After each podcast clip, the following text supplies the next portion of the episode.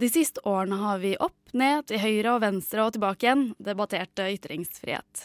Vi har snakket om demokrati, verdier, om grenser og om ytringsansvar. Helge Svara, du har sammen med retorikkforsker Trygve Svensson skrevet den vitenskapelige artikkelen 'Ytringskultur bør finne sted' i Sosiologi i dag. Her skriver dere at debatten bør utvides til å også handle om ytringskultur. Hva legger dere i begrepet ytringskultur? Uh, ytringskultur, det er uh, alt det som skal på plass for at vi får en uh, best mulig og mest levende og mest mulig interessant samfunnsdebatt. Og det er ganske mange ting. det kan vi godt komme inn på, jeg skal ikke ramse det opp, men det er i hvert fall de rammebetingelsene som, som må på plass, tenker vi. Så det er liksom misforstått det, da, at det er debatten om ytringsfrihet som er den viktige? Eh, den er kjempeviktig, den eh, må vi ta hele tiden. Men det vi gjorde i den artikkelen, som vi starter med det Og det er ganske sånn eh, interessant, da vi liksom ble klar over hvor omfattende det er. Vi gikk inn også så på mange av de debattinnleggene som har vært på trykk i norske medier i det siste om som, som, går under overskriften ytringsfrihet. Og så ser vi at det de egentlig snakker om, det er mye med disse rammebetingelsene. Eller så er det mer den kulturen som, som, som, finnes i dette offentlige rommet som vi pleier å snakke om, og som, gjør, som påvirker uh, folks muligheter for å uttrykke seg, eller, uh, og som skremmer noen vekk, sånn at samfunnsdebatten blir, blir, blir liksom fattigere. Ok, Men for å være litt mer uh, konkret. Du snakker om rammevilkår for mm. ytringer. Litt, hva er disse rammevilkårene? Er de eh, praktiske? Er de altså, verdimessige? Da vi, eh, da vi begynte å, å, å, lure på om vi kunne bruke kulturbegrepet, så, så er det fordi kultur, altså i, i andre fag, sosialantropologi f.eks., det er et begrep som har veldig mange dimensjoner. Den går Delvis går det på normer, på skikk og bruk, men det går også på den materielle infrastrukturen.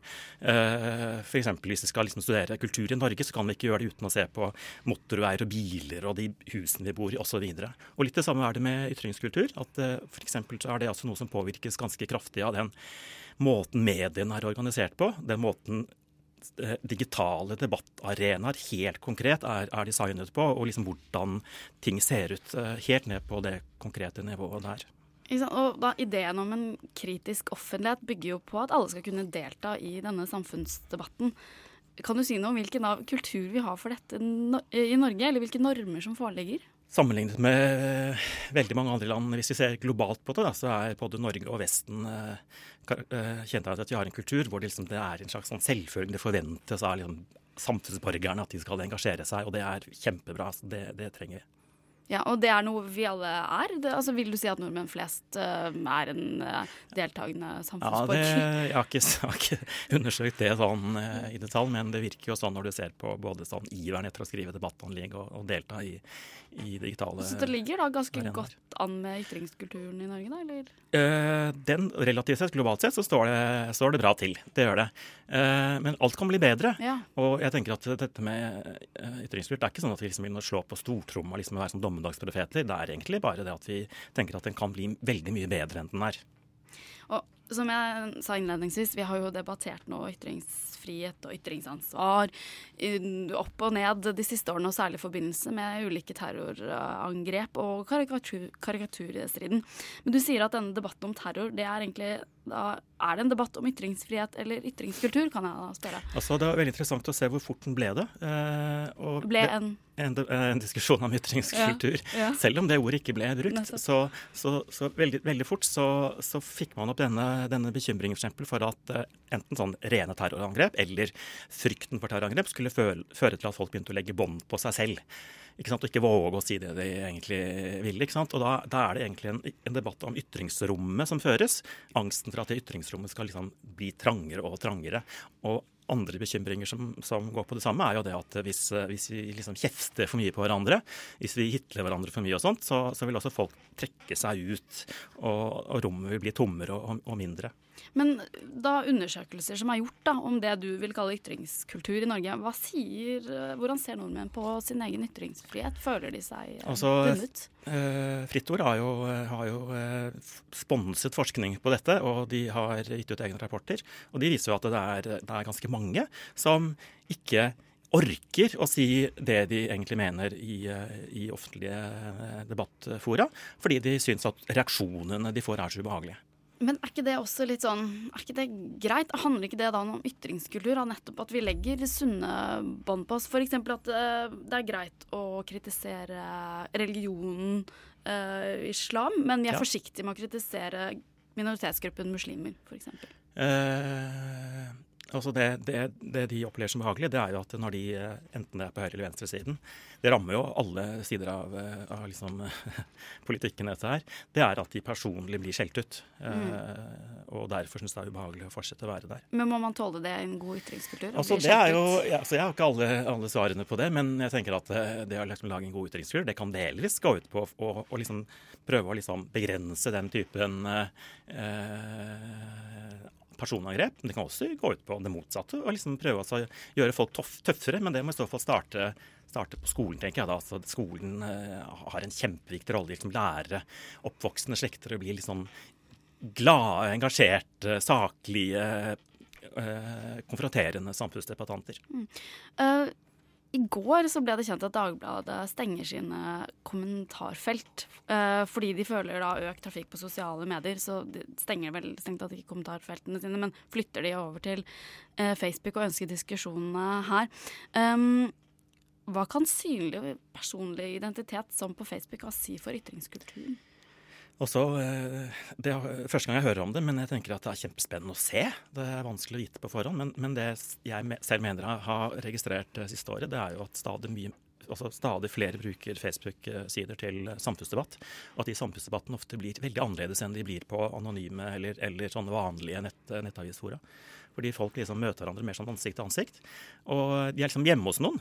Eh, altså Facebook-veggen eh, etter folk er liksom litt sånn, mer sånn hjemme hos dem. Og, så, og blir kanskje korrigert av litt mer sånn ja, av familien eller venner? Ja, kanskje det. Sånn, ikke sant? Og så ser vi det at, at, folk hører faktisk, det virker som de hører mer etter hva, hva andre sier. Og de er liksom mer ålreite i måten de argumenterer på. Og du ser til og med at folk skifter mening underveis. Liksom, når så du det sist liksom, i en nettdebatt på, ja. på liksom, Nettavisen? Så det, det, det, får vi nå vente og se, som du sier. Men mm. dette kan være en positiv ting, tenker du? det kan det. Så kan det være være det motsatte. Men, men mm. altså, det er veldig mye av dette vi måte ikke kan vite på forhånd. Og noe av det som er poenget i den artikkelen vår også, er jo at vi må eh, liksom eksperimentere mer med liksom måten vi liksom lager eh, debatter på. Og så, og så, prøve å gjøre det mest mulig, og så gjøre erfaringer, og så bruke dem videre. F.eks. hvordan, hvordan hvordan svenske Dagens Nyheter nå har liksom lagt opp sin, sin debattarena på, i avisen. ikke sant? Det at folk kan, etter at et tema er lansert, melde inn hvem de har lyst til skal komme opp og være motdebattanter. Kjempespennende idé. Ja. ikke sant? Og da kan man liksom få på banen folk som ellers bare ville sittet der og ventet, og som kanskje har veldig mye interessant å melde. Det var svaret. Vi kan jo fortsette litt i svaret. fordi De siste ukene har det vært blitt veldig godt kjent at svensk politi og noen medier har unnlatt å opplyse om kriminalitet, særlig kvinnetrakassering trakassering begått av innvandrere med ikke-vestlig bakgrunn. Um, tror du noe slikt kunne blitt gjort eller vil kunne gjøres av norske medier? Um, det tror jeg helt sikkert. Og jeg, jeg, er sikker på at norske medier holder på med noe som ligner litt. At de liksom dysser ned disse ting som de liksom føler er liksom for ja, sånn skummelt å liksom skrive om. Eh, og Det er også et veldig godt eksempel på at ytringskultur handler om veldig mange ting. da. Altså Det handler om deg og meg, og så handler det om skolen. Og så handler det veldig mye om, om pressen og hva pressen mm. gjør. Pressen er, er, kjempeviktig. altså at... Ja, Hva sier du om pressen i Skandinavia, da, hvis noe sånt kunne skjedd i Norge? Um, det sier at de har liksom ikke altså Veldig mye av dette der, eh, motivasjonen for å liksom få, få, få, gjort ting bedre, det er jo å liksom skjønne at hvor viktig samfunnsdebatten er, at den er åpen. Altså, hvis ikke den er åpen, så, så risikerer vi at liksom alt, alt bryter sammen på sikt, på lang sikt, da. Ikke sant? At vi ikke får eh, belyst eh, problemer skikkelig. Og det, det, er det som er poenget her. Vi må belyse alle problemer skikkelig, og det må pressen også liksom skjønne. da. Så det er noe med presseetikk. Men å belyse det skikkelig, det er vel det som er ja. Eh, utfordringen. Ta et annet dilemma her. Ja. Um, Men skikkelig, det er også ikke, ikke holde ting skjult. Ikke holde ting skjult. Det bør man vel være enig om. Hege Storheigs bok 'Islam den ellevte landeplanen' plage, eh, dreier seg om bl.a. hvordan islam kan virke innskrenkende på ytringsfriheten i Norge. Og Boka har jo vært omtalt i mediene, mediene men den har fått få seriøse anmeldelser. Eh, og det har blitt hevdet at enkelte ikke vil uttale seg av frykt for å miste jobbene sine. Har du noen tanker rundt uh, dette? Kan man ane et sånn ytringsfrihetens paradoks? Altså For uh, noen så er liksom islam det verste, verste som finnes når det gjelder uh, liksom den alvorligste trusselen mot ytringsfriheten. Og at det er, at det er uh, noe i det.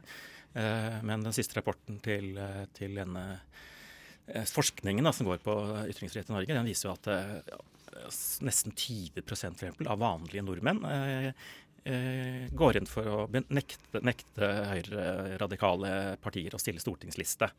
Eh, eller innvandringskritiske mm. blir de også spurt om. Og det er, det er, det er, eh, det er litt sånn skummelt altså, å se at hvor eh, utbredt sånne holdninger er liksom overalt, egentlig. Ikke bare blant, kanskje blant muslimer.